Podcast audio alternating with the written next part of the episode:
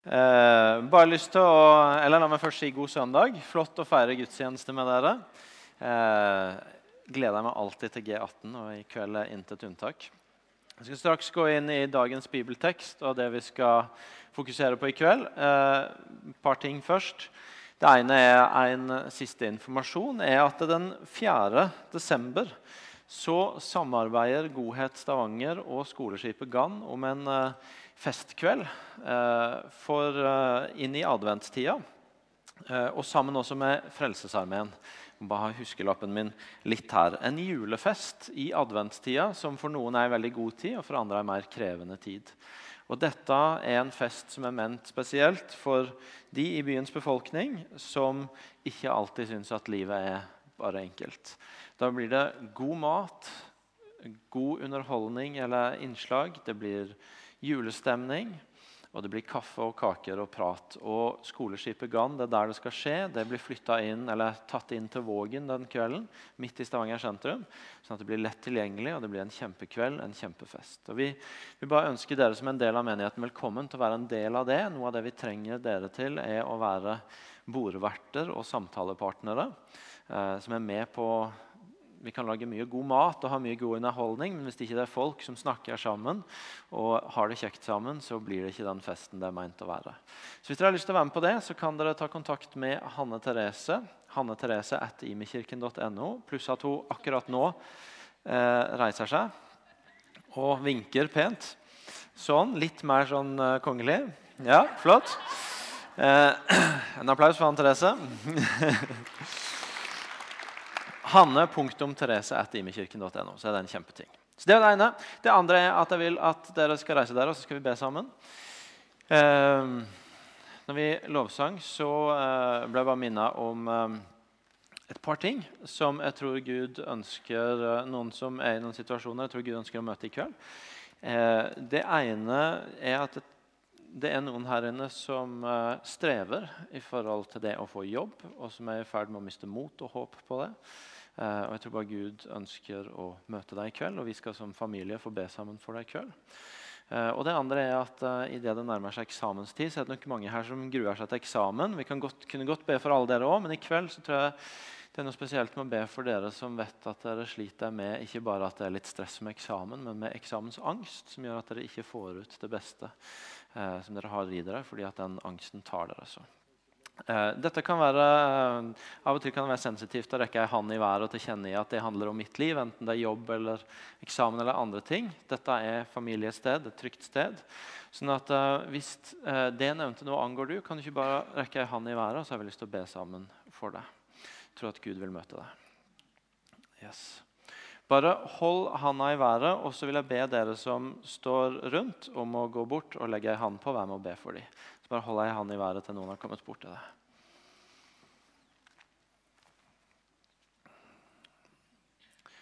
Flott. Jeg begynner å be litt um, herfra, og så kan dere fortsette å be i gruppene. God far, takk for at du er en god far eh, som ser med godhet og kjærlighet på dine barn og ønsker å hjelpe og ønsker å gripe inn.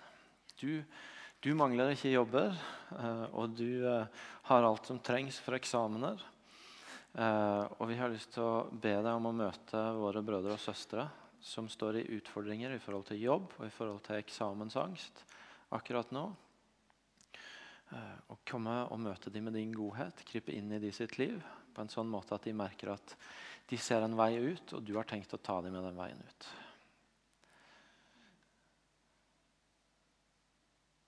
Vi ber deg om jobbmuligheter som en ikke visste fantes, men som eh, åpner nye muligheter. Vi ber deg om full frihet fra eksamensangst, at du setter deg fri. Vi ber deg om at den tyngden, det, den uroen, den eh, motløsheten som har festa seg, skal slippe tak akkurat nå. Sånn at når de våkner opp i morgen og møter en ny uke, så møter de det med et annet perspektiv av at de går med en Gud som er god.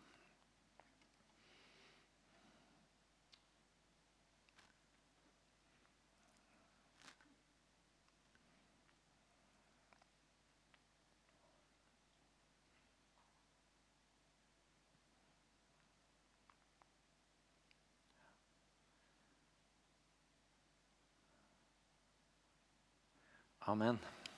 Vær så god og sitt.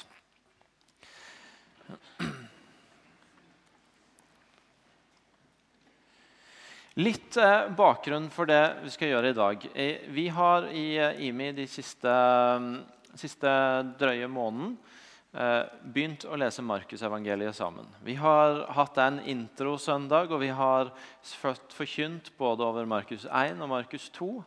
Vi leser det i mange av cellegruppene, får rapporter om det, at teksten leses der.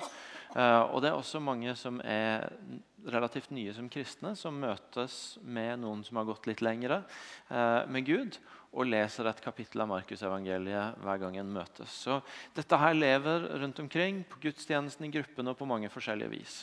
Og så er det samtidig sånn at For de som liker eh, streite rammer og klare avtaler, så har det vært en litt brokete start. Fordi at eh, vi har fått noen avbrudd underveis. Eh, vi hadde besøk av Kell Dahlmann for noen uker siden på en søndag og måtte ta lite, en liten pause. Forrige helg var det konferanse med et litt annet fokus. Eh, neste søndag er det takkesøndag, og da som Irene sa, blir det ikke tale. Og attpåtil skal jeg i dag gjøre noe annet. Og Jeg skal straks forklare dere hvorfor. Eh, men fatt mot. Etter november så ser det mye lysere ut. Så ikke slutt å lese, bare fortsett å leve i Markusevangeliet. Og dere skal få høre en tekst derfra i dag òg, men ikke den dere kanskje hadde venta. Eh, og så er vi helt back on track igjen eh, fra desember og ut. Og da tror jeg det ser mye lysere ut. Og de som ikke liker streite rammer og klare avtaler, de koser seg sikkert bare. Men for dere andre så kan det være greit å vite det. Eh, bakgrunnen for at vi gjør noe litt annerledes i dag, er at vi nærmer oss slutten av årets fastgiveraksjon.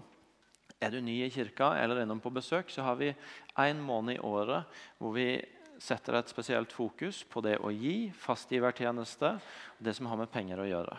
Det er den måneden i året hvor vi utfordrer veldig tydelig ikke bare på å gi ut, men på å gi til det vi er sammen om i denne menigheten. Uh, og vi, gjort, vi gjør forskjellig fra år til år. Det har vært år hvor vi har forkynt om penger og givertjeneste og forvaltning en hel måned hver søndag og utfordrer på det. Det er andre ganger hvor vi ikke gjør noen forkynnelse, men utfordrer og holder det oppe på andre måter. Og så, så langt i år så har vi ikke forkynt om det. Og så er det sånn at eh, For de av dere som var her forrige søndag, så delte jeg at så langt i år så har responsen på den aksjonen ikke vært veldig høy. Vi bruker å få løfter på givertjeneste fra 500 000 kroner og oppover stort sett på de aksjonene. Så langt i år så rapporterte jeg forrige søndag om løfter på 30 000 kroner året. Så det er litt, litt avstand mellom visjon og virkelighet. Eh, og det utfordrer. Eh, det er gledelig å kunne si at siden forrige søndag så har det skjedd en del ting. sånn at når vi gikk inn i denne helga, så er det løfter på 200 000 kroner året. Så det er vesentlig bedre, og så er det fortsatt et stykke å gå. Vi er, Dere er en raus menighet, rause folk. Dere gir masse. 9 millioner kroner i året. Det er masse masse penger. Eh, så jeg vet at når vi er der vi er, i forhold til det resultatet, så er det ikke fordi dere plutselig har slutta å være rause, eh, men kanskje fordi vi ikke har fått helt til sammen å stoppe ordentlig opp for dette her eh, og spørre hva det betyr for oss i år. Eh, og kanskje også du som er ny, har ikke fått den anledninga til å få tak i hvordan vi tenker om disse. Så Derfor skal vi sette, derfor rydder vi plass en søndag nå til å snakke om det. Eh, sånn at vi alle får mulighet til å tenke og be og handle på det som er utfordringa denne måneden. Eh, og det er, det utgangspunktet for, for, dagen i dag. Ok, Så da vet dere litt om hvorfor vi gjør det vi gjør, og hva vi skal gjøre. Vi skal ha en bibeltekst med oss til å snakke om disse tinga, og den skal Kristin lese for oss nå, fra Markus 10. Ja. Ja. Hallo, der var du. Jeg må først si at det gleder trønderhjertet med så fin novemberbart. Men nå er det Markus. Så det. Da skal vi lese fra Markus 10 og 17 utover. Da han gikk ut på veien så kom det en, en løpende, knelte foran og spurte ham. 'Gode mester, hva skal jeg gjøre for å arve li evig liv?' Men Jesus sa til ham, 'Hvorfor kaller du meg god? Ingen er god uten én, og det er Gud.' Du kjenner jo budene. Du skal ikke drive hor, du skal ikke slå i hjel, du skal ikke stjele, du skal ikke vitne falskt. Du skal ikke bedra, og du skal hedre din mor og din far. Og han svarte ham og sa, 'Mester, alt dette har jeg holdt fra min ungdom.' Jesus, som elsket ham, så da på ham og sa, 'Du mangler én ting. Gå av sted og selg alt du eier, og gi til de fattige.' 'Og så skal du få en skatt i himmelen.' 'Og kom, ta opp korset og følg meg.' Men han ble nedslått på grunn av dette, og han gikk sorgfull bort, for han hadde store rikdommer. Da så Jesus seg omkring og sa til disiplene.: Åh, Hvor vanskelig er det ikke for dem som eier mye, å komme inn i Guds rike? Og disiplene ble forundret over ordene hans. Men Jesus tok igjen til orde og sa.: Barn, hvor vanskelig det er for dem som stoler på rikdommer, å komme inn i Guds rike. Det er lettere for en kamel å gå gjennom et nåløye enn for en rik å komme inn i Guds rike. De ble meget forundret og sa til hverandre.: Hvem kan da bli frelst? Men Jesus så på dem og sa, For mennesker er det umulig, men ikke for Gud. For Gud er alt mulig. Da begynte Peter å tale til ham. Se, vi har forlatt alt og fulgt deg. Da svarte Jesus. Sannelig, sier jeg dere.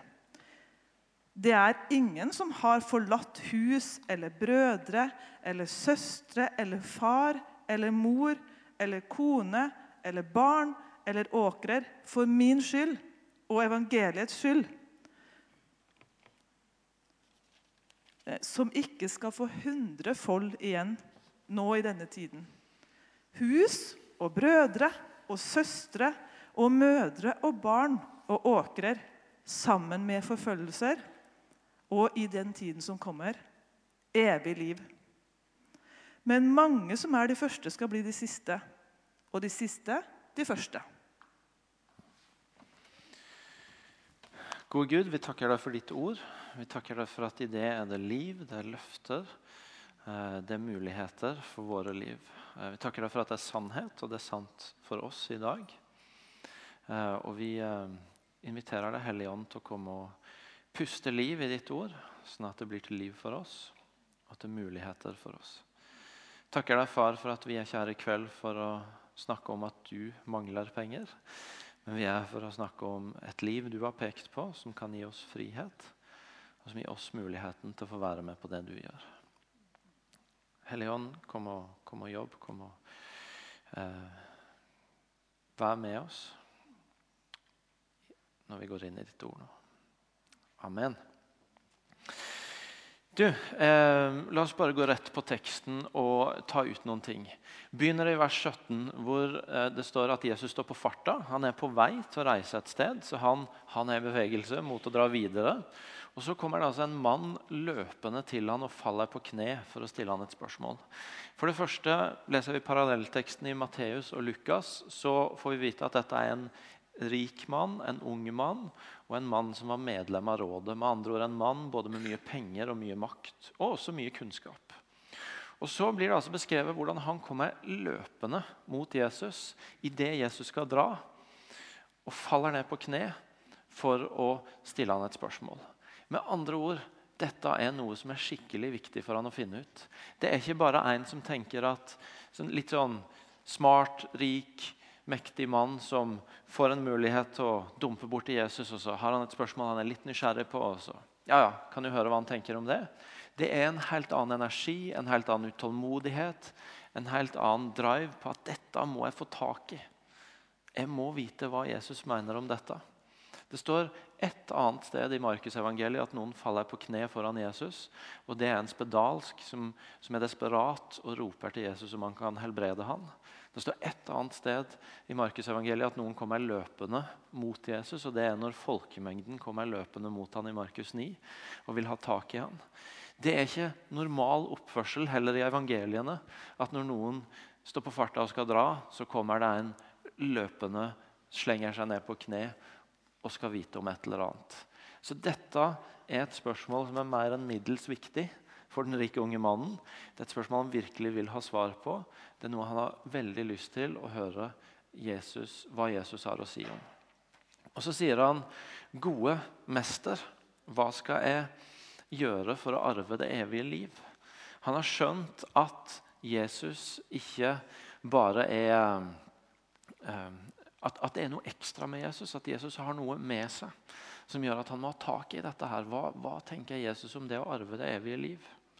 Og Han sier 'gode mester', som i neste vers vi ser når Jesus skal svare, så svarer han med en todelt svar. Han sier i vers 18, men Jesus sa til han, 'Hvorfor kaller du meg god?' Ingen er god uten én, og det er Gud. Jesus har behov for å peke mot Gud, sin far, og si det er han som er god. Det er han, han du skal kalle god. Eh, mer enn at du kaller meg for gode mester. Det var ikke vanlig å kalle læremestere, rabbier, det som Jesus lett ble forstått som i samtida si, for gode mester. Det var vanlig å kalle de mester. Gode mester var en uvanlig tiltale. Så vi har å gjøre med en situasjon hvor det er en mann som virkelig vil finne ut av noe, og som bruker en uvanlig måte å tiltale Jesus på. Ikke bare ved at han kommer løpende og kneler, men også ved at han kaller han gode mester. Som en uvanlig måte å snakke til en sånn som Jesus på. Um, og, og, han stiller et spørsmål som tyder på at hvis det er så viktig for han å få dette svaret av Jesus, så har han fått tak i at, at det er noe med Jesus.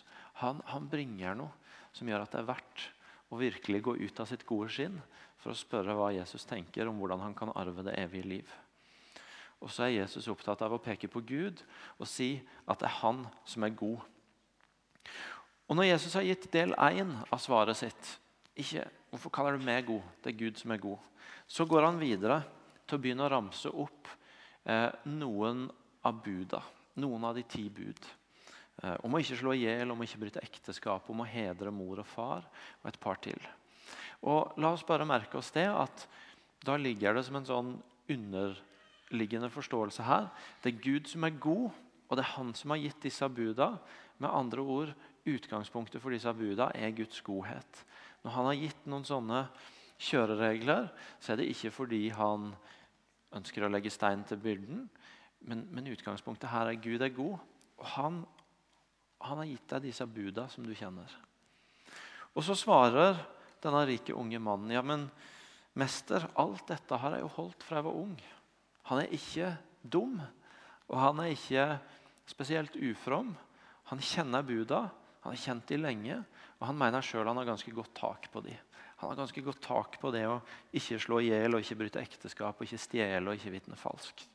Han er i en han, han føler at 'dette vet jeg jo'. Det må være noe mer å si enn dette. Og Så kommer i vers 21 et av de sånn merkelige sammenstillingene som, fra et menneskelig perspektiv som du finner av og til i evangeliene. Som, som viser at det er noe som kolliderer med et menneskelig og denne verdens perspektiv på ting og himmelens perspektiv på ting. Fordi det står Jesus så på han og fikk han kjær og sa. Jesus så på han og fikk han kjær. Jesus fikk kjærlighet for denne mannen. Han ble ikke, han ble ikke irritert for at han maste, eller for at han var så kjepphøy at han sa ja, men jeg holder jo disse buda, har du ikke noe mer å si? Eh, eller ok, hvis du på en måte legger nivået der, så skal jeg virkelig kjøre deg litt. Det står Jesus så på han og fikk han kjær. Det, som, det neste som kommer ut av Jesu munn, det har sitt utgangspunkt i at Jesus fikk kjærlighet for denne rike, unge, mektige mannen som ønska svar på et veldig stort spørsmål. Og så sier han, 'Gå bort og selg alt du eier, og gi det til de fattige.' Eh, han ble glad i han, så han sa, 'Gå bort og selg alt du eier, og gi til de fattige.' Menneskelig sett et eller annet som er mismatch, høres mismatch ut. Eh, ikke helt åpenbart. Men det er nettopp det som er noe av det som er så viktig å få tak i i denne teksten. At ut av kjærlighet så gir Jesus han, peker han på en retning som det er en kostnad ved, og som ikke er åpenbar fra et menneskelig perspektiv, men som han knytter et veldig sterkt løfte til, nemlig da skal du få en skatt i himmelen. Da skal du vinne. Hvis du gjør det, så skal du vinne noe annet som er mer verdifullt. Og når du gjør det, så kom og følg med. Han ble glad i han. Derfor så ga han han ei utfordring som var ganske røff, ganske krevende. Gå selv alt du eier, og gi til de fattige. Han, han utfordrer han på å gi slipp, på å gi fra seg kontroll, trygghet, komfort, posisjon, status. Og så lover han han at gjør du det, så skal du få en skatt i himmelen. Og selv om dette kom ut av kjærlighet, og selv om Jesus knytta et sterkt løfte til det, så kjente den rike unge mannen på at dette var en utrolig krevende utfordring. Eh, fordi han var veldig rik. Og Derfor så står det òg at han ble nedslått over svaret og gikk bedrøva bort fordi han eide mye. Han klarte ikke å se kjærligheten. Han var ikke klar for utfordringa. Han klarte ikke å ta den muligheten Jesus la foran ham, med en pris, men også med en mulighet. Og han gikk trist bort. Og Så fortsetter teksten, og vi, vi, skal ikke gå gjennom vers for vers, men neste del av den teksten Kristin leste, det er en dialog mellom Jesus og disiplene, hvor de på en måte reflekterer over det som skjedde nå. Eh, Jesus og disiplene får en samtale om ok, hva, hva var dette her for noe, og hva betyr det. Disiplene som eh, eller Egentlig er det først Jesus som bare liksom understreker når denne mannen har gått. Så sier han å, hvor vanskelig det blir for de som eier mye, å komme inn i Guds rike. Og Dette utfordrer disiplene òg. De syns også dette her er røft. Og Derfor så, så pusher Jesus litt tilbake og blir litt frustrerte. Der står at de, de, eh, det står at de ble forferda over ordene hans. Men så, som Jesus noen ganger gjør, han blir, ikke, han blir ikke skremt av at folk kjenner seg utfordra. Så han bare kjører på litt til, han, og så gjentar han det. Og så sier han til og med enda røffere. Det er vanskeligere for en rik nei, å komme inn i Guds rike enn for en kamel å gå gjennom et nåløye. Jesus er god på overdrivelser for å få, sterke bilder for å få fram poenget sitt. Um, og da blir det veldig mye for disiplene. Da kjenner de seg veldig utfordra. Og det står at de bryter ut. altså Det kulminerer i at de kommer med et sånt hjertesukk, et spørsmål, en sånn ah, Jesus, hva mener du? når de, når de sier det står at de ble enda mer forskrekka. Og så sa de ja, men hvem kan da bli frelst? Hvem i all verden kan da komme inn i Guds rike? Og så er vi kommet til det ene av de to poengene. Nemlig når Jesus svarer at for mennesker er det umulig, men ikke for Gud. Fordi alt er mulig for Gud. Hvor han bare får poengtert inn at enten du har mye penger, og mener du har holdt alle bud jeg holder fram, eller ingen av delene, så er det umulig for deg sjøl å vinne det evige liv og finne veien inn i Guds rike. Det er bare mulig for Gud. Men for Han er alt mulig. Så Det er det ene. Men så, når de på en måte har fått kanskje litt svar på det, og jeg vet ikke, jeg vet ikke egentlig om de har skjønt det helt, men de, de gir seg i hvert fall, ser det ut som. Eh, og så tar Peter til orde og så sier han, ja men, ja, men vi da? Vi har jo forlatt alt og fulgt det. Han begynner å tenke på at når Jesus kalte de, så, eh, så slapp de jo fiskegarna de hadde i hendene, og eh, forlot tollboden, har vi lest om i Markus 2, og, og bare fulgte han. Det, er vi i en annen posisjon enn denne rike mannen, da? Og så sier Jesus at enhver som har forlatt hus eller brødre eller søstre eller mor eller far eller barn eller åkrer for min skyld og for evangeliets skyld, skal få hundre ganger så mye igjen. I den tiden som nå er, skal han få hus, brødre, søstre, mødre, barn og åkrer, men også forfølgelser, og i den kommende verden evig liv. Jesus lar det faktisk bli en kontrast mellom den rike mannen som fikk en utfordring og en mulighet, og ikke var klar for den og ikke var klar for prisen og gikk bort. Trist. Og disiplene som fikk en utfordring, et kall, en mulighet, og som greip den, og som får et løfte om å få hundrefold tilbake igjen. Om å få både det de har forlatt, og enda mer tilbake. Ganske, ganske sterkt løfte. Veldig interessant tekst. En tekst som eh, handler om om du vil, lidenskap eller glød, brann, iver. Fordi det er det vi møter hos denne rike unge mannen når han kommer løpende etter Jesus, kneler ned og så inderlig gjerne vil ha tak i hvordan han kan finne det evige liv. Det er en lidenskap der etter å få tak i det livet Jesus har, etter å få tak i svaret på dette utrolig viktige spørsmålet, som, som får han til å gå lengre enn komfortsonen og lengre enn på en måte bare det han ville gjøre en hvilken som helst dag. En spurt, en kneling, noen sterke ord, lidenskap. Vi er i kirke som er opptatt av at du skal få tak i, finne fram noe av lidenskapen som Gud har lagt ned i du. Finne tak i drømmene Gud har lagt ned i du. Sist søndag så talte Martin glimrende om lidenskap her på G18. Gå og hør podkasten hvis du ikke har hørt det. Og Vi er opptatt av at du skal finne ut av det livet Gud har lagt fram for deg. Finne fatt i noe av de drømmene, brannene, engasjementet, lidenskapen han har lagt ned i deg. Og Vi er i kirke som som fellesskap er utrolig opptatt av å, som vi ofte sier, å være med på det Gud gjør. Og, og ha en lidenskap, en brann, en person. Ikke bare for å gjøre kirke uke etter uke, men for å være med på det Gud gjør, for å bety noe i denne verden. For å la mennesker få møte en Gud som er god. Lidenskap er en del av livet vårt, og vi ønsker at det skal være en del av livet vårt. Og Det innebærer å ikke alltid vite alt.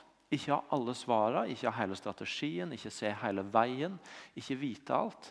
Men kanskje som denne mannen å ha en fornemmelse, ha en anelse, ha en nysgjerrighet, ha en uro som får han til å jage etter noe fordi han vil ha tak i det. Det er en lidenskap i denne teksten. Så er det også i denne teksten så handler det noe om en pris, om en kostnad. Om å gi slipp på noe fordi det, er noe som koster noe.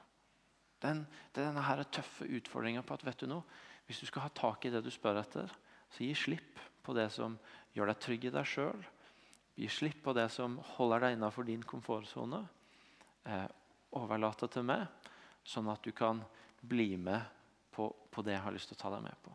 Det er, en, det er en pris, det er et offer. Det er en ganske hard utfordring. Og det er også noe av utfordringa for oss når vi skal gå fra en uttalt lidenskap, fra uttalte ønsker om å være med på det Gud gjør, til å faktisk at det skal bli virkelighet. Og Noen vil kanskje si at det er når det kommer til å ta prisen, til å ta valg, til å være villig til å ofre noe, at vi får liksom se ja, var det virkelig lidenskap. Brant du virkelig for det? Ville du det virkelig? Mente du det virkelig?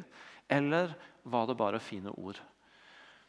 Og, og, og jeg faktisk, Når jeg leser denne teksten, og når jeg ser kontrasten til disiplene, og når de begynte å følge Jesus, så er jeg ikke sikker på om det er sånn at, at det som åpenbarer seg i det øyeblikket en skal velge om en er villig til å ta prisen, om det en da får se, er hvem som følte og kjente og brant sterkest i tida før.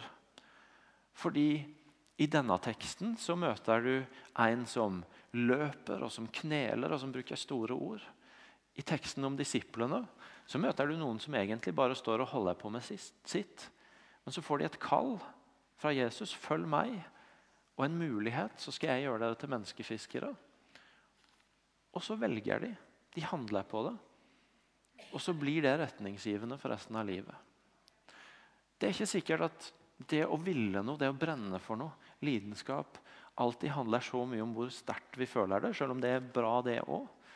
Men kanskje er det like mye at i øyeblikket så får vi mulighet til å velge den brannen, velge den lidenskapen, ved å velge å ta noe av prisen det koster, ved å velge å ta noe av offeret, ved å velge å gi slipp. Og så velger vi å være en del av brannen av lidenskapen.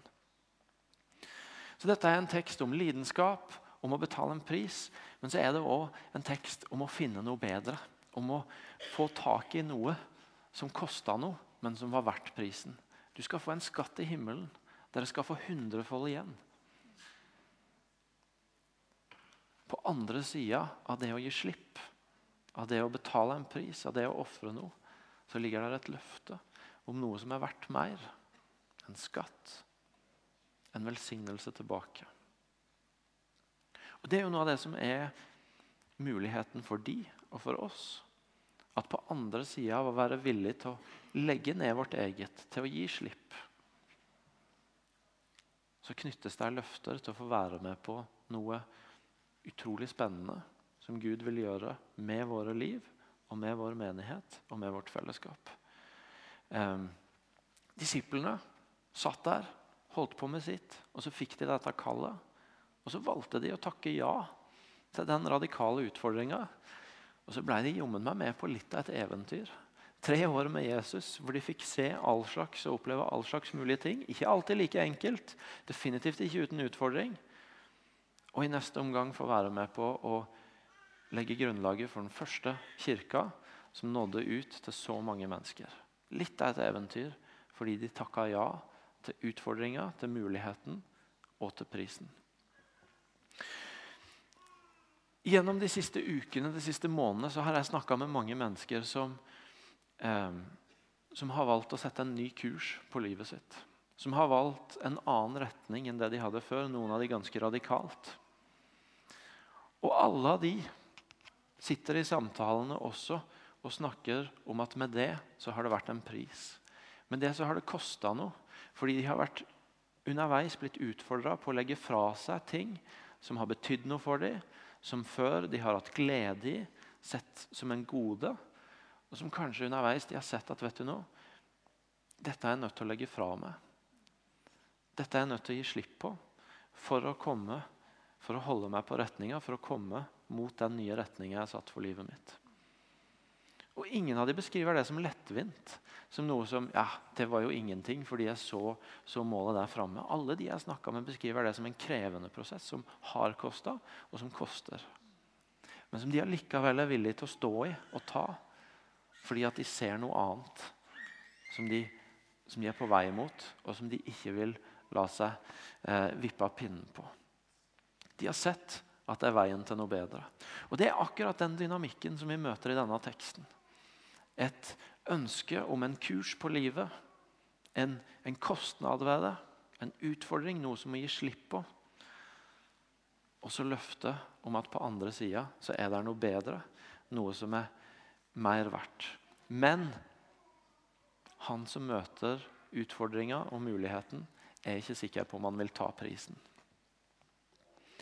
Det at jeg og du, at vi her inne kan kalle oss Guds barn, det at vi kan si at det er en nåde hver gang vi går på trynet i livet vårt. At vi kan få en ny start hele veien. At Gud, hvis vi har gått oss bort i livet, så rekalkulerer han kursen vår, og så får han oss inn på rett spor allikevel. Det er noe som har en utrolig høy pris. Det er så dyrt. Koster så mye. Og vi betaler ikke noe av den prisen. Jesus har betalt hele prisen for den kostnaden. At vi kan kalle oss Guds barn, at det fins ny nåde hver morgen. At det alltid fins en mulighet for å rekalkulere og justere kursen når livet vårt har kommet på sidespor. Jesus betalte ikke den prisen bare for å gi oss en fribillett til himmelen. Og for å, at vi skulle vite at det alltid var en ny mulighet. Han gjorde det også fordi han ønska å kalle oss til å følge han og leve et liv med han som var annerledes, som var spennende, og som var det livet vi var meint til å leve. Det kallet som lød til den rike mannen, som lød til disiplene, som, løper, som lyder til oss. Kom og følg med. Disippelskap, som Irene snakka om. Og å gå i Jesu fotspor, å være en disippel og følge han. Å ta imot det livet som han har lagt foran oss, og som vi var meint å leve, det har en pris. Det koster noe. Det er en utfordring om å gi slipp på noe. Om å legge fra seg noe. For å være fri til å følge Han. Om å gi slipp på ting som gir oss trygghet på egen hånd, og som binder oss opp i ting. For å kunne vise tro og tillit til Han som sier at han vil vil vise oss veien til livet, til frihet, til det beste. Og Det å gi slipp det handler om flere ting. Og Det kan handle om forskjellige ting i forskjellige folks liv. Men det handler også om penger. Det handler også om penger og ressursene våre. Og det handler definitivt om penger. Fordi at det kan være utfordrende, og det er ikke mindre utfordrende når en bor i et av verdens aller rikeste land, hvor selv i perspektiv av en vestlig verden så har vi det så utrolig godt, og standarden vår er så høy. Ting som bare når Eva og jeg regna med fortsatt som relativt ung, men bare når jeg var barn og tenåring, så er det ting som det var liksom, jeg husker det var noen få spesielle i hjembyen min som hadde det, og det var fiffen. Det er jo noe alle har nå. Og forventningene og presset på standard og på ting en skal ha, og på alt sånt, setter ganske høye press.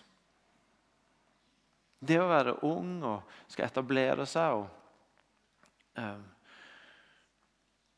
og bo i denne byen med de prisene som er her, da utfordrer jeg det på et kall til å, gi slipp. Også på det som har med penger å gjøre.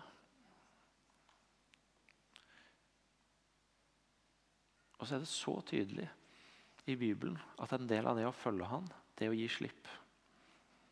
Det er å være villig til å legge det framfor han og si at eh, alt mitt er ditt. Og tro. For tro er et viktig element her. At han kan forsørge, at han leder oss på den beste veien. Og at hvis vi er villige til å gi slipp og betale prisen, så vil vi oppleve masse godt og spennende på andre sida av det. Jeg tror ikke bare så det er sagt, jeg står ikke og forkynner at Jesus sier ikke til den rike mannen at hvis du bare selger alt du eier og gir det til de fattige, så skal du få 100 ganger så mye penger tilbake. Så jeg står ikke og forkynner en sånn formel om at hvis du nå gir masse ut, så kan du gange opp hvor mye du får tilbake igjen i kroner og øre. Men jeg står og, og formidler at at Jesus lover at det er noe som er verdt mer enn pengene våre på andre sida av det å gi slipp. Og Det kan utfordre. Det kan utfordre meg, det kan utfordre dere. Eh, men jeg har lyst til at for at det ikke bare skal bli mine ord, så skal dere få møte noen som har jobba med den utfordringa og stått midt i den, og som har gjort seg noen tanker om hvordan dette kan se ut for dem. Så da må dere klappe godt for og heie dem fram. Lars og Marte. Kom an.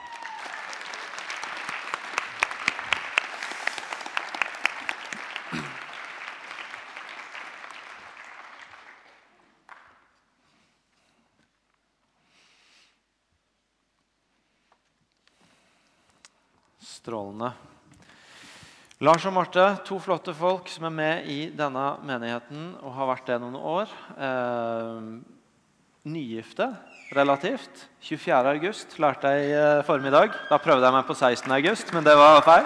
Klapp for nygift. eh, og uh, i etableringsfasen, eh, med alt det det innebærer, og så snakker vi om dette med penger. Du først, Marte. Hvilke tanker har du gjort deg om det å gi og det å gi til menigheten?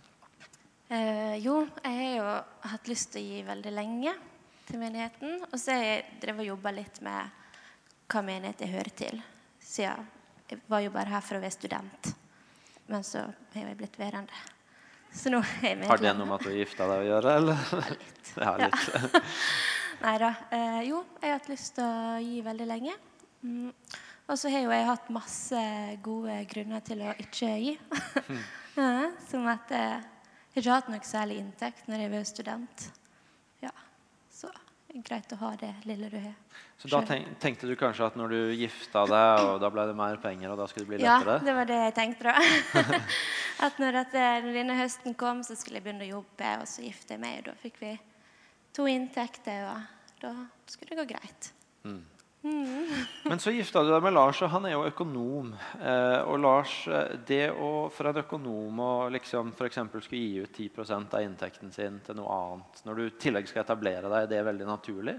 Lærte du det på BI? Nei, det er ulogisk. det er veldig ulogisk.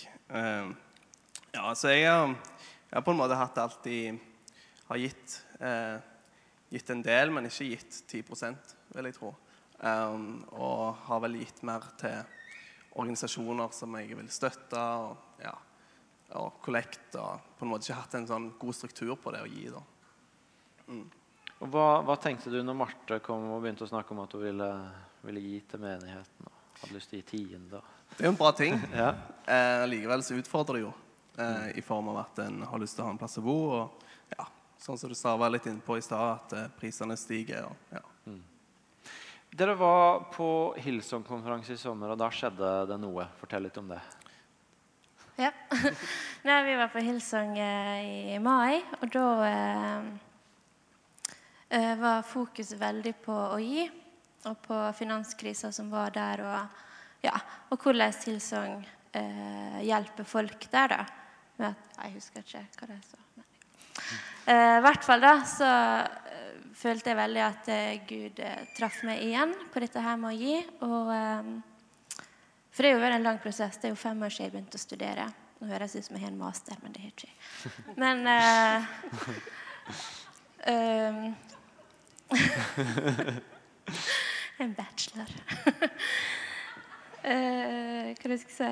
Ja, og så bare sier jeg til Gud at denne her eh, diskusjonen gidder ikke jeg ta flere ganger. Denne kampen gidder ikke jeg ta flere ganger. Han lar ikke så mange gode argument eh, på alt oss må spare oss opp og til og sånn. Så jeg sa ingenting. Jeg bare ba stille over det. Og så når vi kom tilbake på hotellet, så sier han Lars at nå gir vi 10% God natt. Så bra. Hva, hva, hva hadde skjedd, Lars? Nei, det var For det første så fikk jeg se hva det utfordrer meg å være i et land der finanskrise berører eh, vanlige folk, eh, mange folk. Og det at de da satser på å gi, altså å snakke om det å gi, eh, det, det gjorde noe med meg. Eh, og så, så er det noe med det òg at eh, det er lett, eh, som for min egen del, som går her, så har du gjerne vært rundt og sett i andre kirker. Eh, ting ser ikke ut sånn som det gjør her. Eh, og så ja, så har han gjerne litt lyst til å støtte små organisasjoner og sånne ting. Men eh, etter det, altså når du har gått her et par år, så har du lyst til å være med på Du har lyst til å være med i form av tjeneste, men òg det å gi. Eh, det å få lov å få ja, støtte staben, og det å få støtte ja, rett og slett sånn at vi kan få lov å bety mer for alle. Du, du sa noe fint i, eh, i formiddag om at du hadde regna litt på dette med arbeidsinnsatsen din kontra det å gi. Ja. ja, altså jeg måtte jo finne ut at dette skulle være fornuftig før jeg kunne gjøre det. Så da tenkte jeg veldig enkelt at eh, hvis du, du jobber fem, fem dager i uka, eh, resten er helg, og så jobber du fire uker i måneden, det blir 20 dager, så gir du egentlig kun to dager til Gud, og det, det er ikke så galt. Så bra. Og så sa du også noe annet som jeg har lyst til å få fram, for det er litt viktig her. For du sa noe om at det gikk an å kanskje rydde litt i måten en brukte penger på, sånn at det var litt lett, lettere. Ja. ja, det er jo Da kan jeg jo òg reklamere litt for CAP. Det var det sporet jeg ville ha deg inn på. Ja. Ja. Nei, altså, jeg tror jo at vi som kristne kan òg tilby tilbe i form av å være fornuftige og bruke det vi har fått, de pengene vi tjener, på en fornuftig måte. eh, som da gjør at vi kan gi et større overskudd av det vi har for at vi lever fornuftige liv, eh, til folk som trenger det, til kirker. ja. Og bare, jeg synes vi skal ha den snikreklamen, fordi at eh, det kan være relevant for mange her inne at noe av veien mot å Jeg snakker jo nå om å gi slipp, om å betale en pris, men der er jo også et element i det av at kanskje trenger du å rydde i måten du forvalter pengene dine på. Og Lars han leder faktisk et kurs vi har her på huset som handler nettopp om hjelp til å forvalte penger godt. Kan du ikke bare si to setninger om hva det er? Det er egentlig det handler om det jeg sa, i korte trekk. Det er et veiledende økonomikurs som går over tre kvelder, som handler om at en skal få, ja, få oppfylle drømmene sine. for å ja, gå der en vil gå med pengene sine. Marte, du tenkte at det skulle bli lettere hvis du bare ble ferdig med å være student. Er det sånn at det er best å vente fordi at det blir sikkert lettere seinere? Nei. Nei. Og så vil jeg bare si en ting til, for nå høres det veldig raus ut, og Lars bare stopper meg, og sånn er ikke det. Han er bare vært en god unnskyldning, faktisk. ja. Nei, det er, det er veldig Det utfordrer veldig. Men det betyr jo bare at jeg må droppe den jakka og de buksene, og ja, at jeg ikke shopper opp alt. Så det er jo sånn som Lars er, bare bruker penger fornuftig. Så går det fint. Fantastisk. Jeg syns det er så flott det dere forteller, og så kult at dere deler det. Tusen takk skal dere ha. Så skal vi klappe for dem.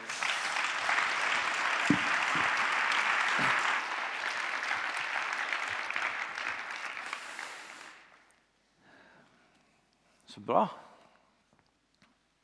Det passer egentlig aldri å gi slipp. Det Passer egentlig aldri å gi fra seg når en har så mye en kan bruke det på sjøl. Eh, men så er det nettopp det å, å ta det steget som de utfordrer deg på, og som teksten i dag utfordrer deg på. Eh, jeg er ikke her i dag primært for å selge dere givertjeneste i Imi-kirka og fortelle tilbake at hvis du blir giver, så skal du få det og det og det tilbake av meg. Eh, men jeg har lyst til å bare gi dere noen perspektiver også på det konkrete med å være med og gi inn i menigheten din. Og hvis du er her som på besøk i dag, IMI ikke er menigheten din, begynn å for all del ikke med fastgivertjeneste til IMI, men gå hjem og gi til den menigheten du hører til. Eh, og så kan du støtte oss av og til hvis du skulle få lyst til det, men det er ikke poenget i dag. Eh, vi er som menighet lokalt i en situasjon hvor stadig oftere så opplever vi at offentlige instanser tar kontakt med oss og spør oss om å hjelpe i forskjellige situasjoner. Eh, F.eks. barnevern, krisesenter, eh, kriminalomsorg i frihet, andre sånne ting. Sånne instanser. Vi er med andre ord i en posisjon hvor vi har masse åpne dører til å bety noe inn i denne byen. Vi har masse barn og unge som blir disippelgjort. Vi ser at folk blir kristne hver uke. Eh, og vi, eh, det er så mange forskjellige unike muligheter som vi opplever på et lokalt plan for å bety en forskjell i denne byen og regionen. På nasjonalt plan så opplever vi mer og mer at også dørene åpner seg at forrige helg så var det en konferanse her hvor det var folk fra over ti andre norske menigheter. Denne uka har Hanne Therese og Martin vært og undervist for menighetsledere fra masse forskjellige menigheter. Og det er mange menigheter som kommer til oss og spør om hjelp, spør om undervisning og gir uttrykk for at de trenger at vi er der for å hjelpe dem videre i sin prosess. Internasjonalt så har misjonsarbeidet vårt i Kambodsja på en måte sprengt rammene våre for hva vi trodde det kunne bli, og hva som var mulig. Eh, 5000 kristne, nye kristne i fjor. Masse nye ledere. Vi er i en situasjon hvor eh, det er så mye som skjer lokalt, nasjonalt og internasjonalt. Eh, og hvor det er så mange åpne dører, og hvor vi har så mange muligheter som menighet til å gripe det. Og det er noe vi er nødt til å eie sammen. Det hjelper ikke at jeg står her og proklamerer at vet du, nå, nå skal vi møte en masse behov i byen fordi folk tar kontakt med oss. Hvis ikke det er et fellesskap som er villig til å stå bak sånne ord. Det er vi som fellesskap som må eie det. Vi er plassert i en unik situasjon til å bety noe både lokalt, nasjonalt og internasjonalt. Og det kan hende du har mest giring på det lokale og ikke det nasjonale. Det kan hende du brenner mer for det internasjonale enn det nasjonale. hva vet jeg. Det er ikke så farlig.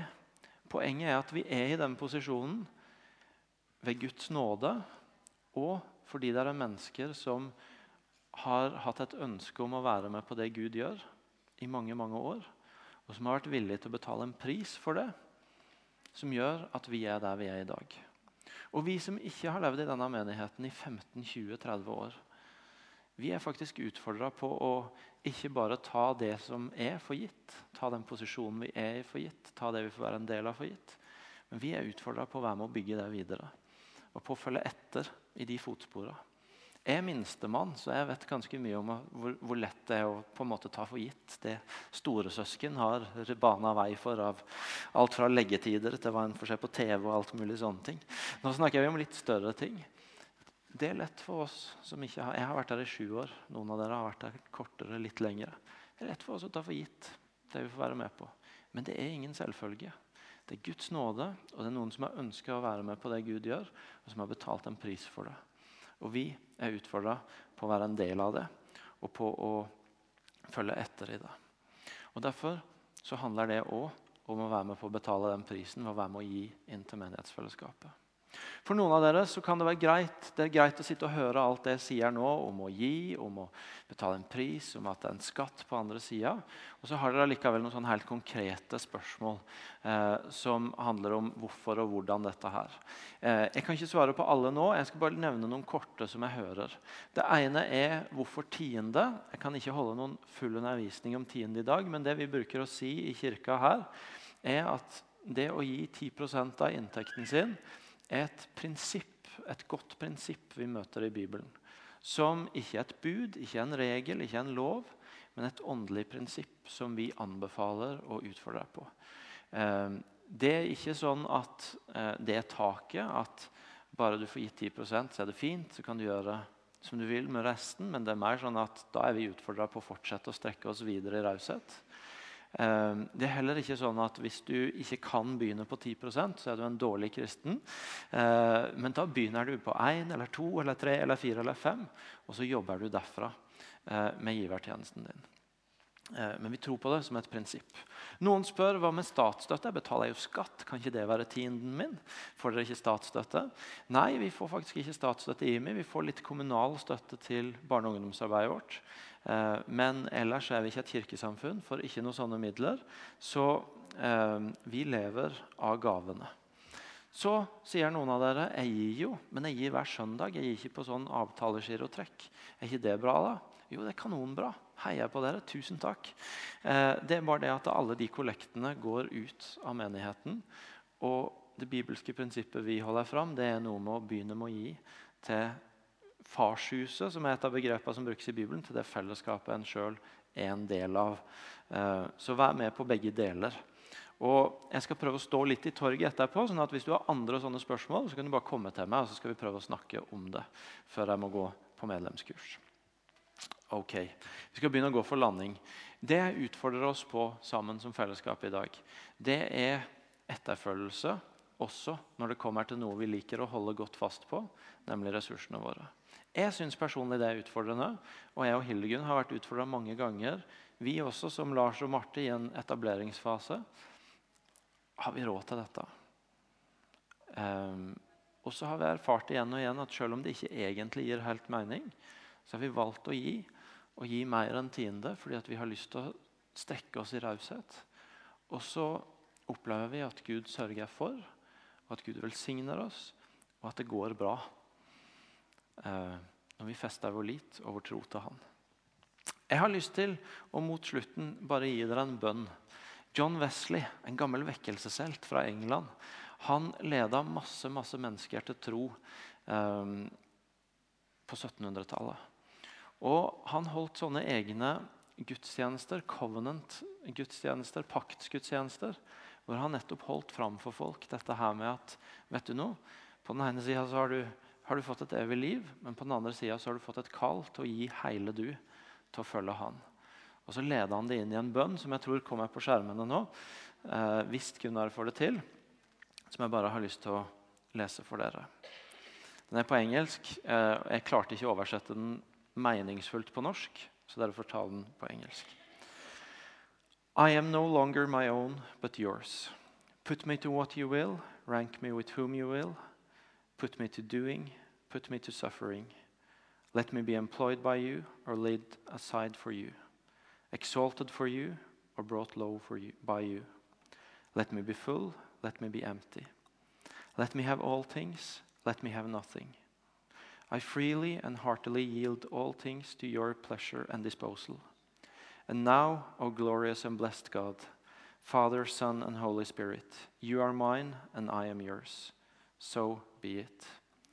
And the covenant which I have made on earth, let it be ratified in heaven. Amen. Den bønnen ber jeg faktisk hver morgen som en påminner til meg sjøl om at mitt liv hører til hos Han. Og at om Han gir meg masse, eller om Han gir meg lite, om Han setter meg til store ting eller små ting, om Han tar meg til sides eller putter meg midt i ting, så er jeg hans, og han er min. Og det er det beste stedet for meg å være. Og Det er den utfordringen jeg har lyst til å gi til dere og til meg sjøl i dag. Å følge Han og overgi seg til Han. Og også la det få virkning når det kommer til pengene våre og ressursene våre. Skal vi reise oss opp og be sammen? På vei inn så fikk dere en slipp som Irene snakka om, til fastgivertjeneste, som går an å fylle ut og legge i en svarkonvolutt ved den hvite postkassa der nede. Enten du er giver, men vet at det er tid for å øke det du gir, eller du ikke er giver, men skal bli det nå. Uh, og Nå skal jeg be en bønn, og så kommer vi til å være litt stille sammen. Hvor du har mulighet til å tenke gjennom og spørre hva betyr dette for meg. Og Hvis du er klar for å handle på det i dag, så kan du gjøre det nå. Da kan du bruke skjemaet, fylle det ut og legge det i kassa. Og Hvis du kjenner at dette trenger jeg mer tid på å tenke på, be over og så handle på, så tar du det med deg hjem, og så jobber du med det i uka som kommer. Gode far, jeg har bare lyst til å takke deg igjen for at du er god. Og for at uh, Dette er en utfordring som, som utfordrer oss, men som kommer ut av din godhet. Det står om du, Jesus, at du så på denne mannen, og så fikk du han kjær. Og så utfordra du han på å gi slipp, sånn at du kunne vise han veien til en større skatt og til et annerledes liv. Og Jeg ber deg for oss i kveld om at du skal tale til oss om hva det betyr i våre liv, om hva du ønsker å utfordre oss på, om hvor du utfordrer oss til å gi slipp, og hvilken skatt du har holdt opp for hver og en av oss. Jeg takker deg for at kallet til et overgitt disippelskap ikke, ikke er en tung byrde, men det er veien til en skatt. Jeg takker deg igjen for at dette handler ikke om at du mangler penger, men det handler om vår frihet og våre liv. Mm. Nå må vi bare være litt stille innenfor du, Gud, og så kan hver enkelt av oss få lytte til deg og få spørre deg og se hva dette betyr i våre liv.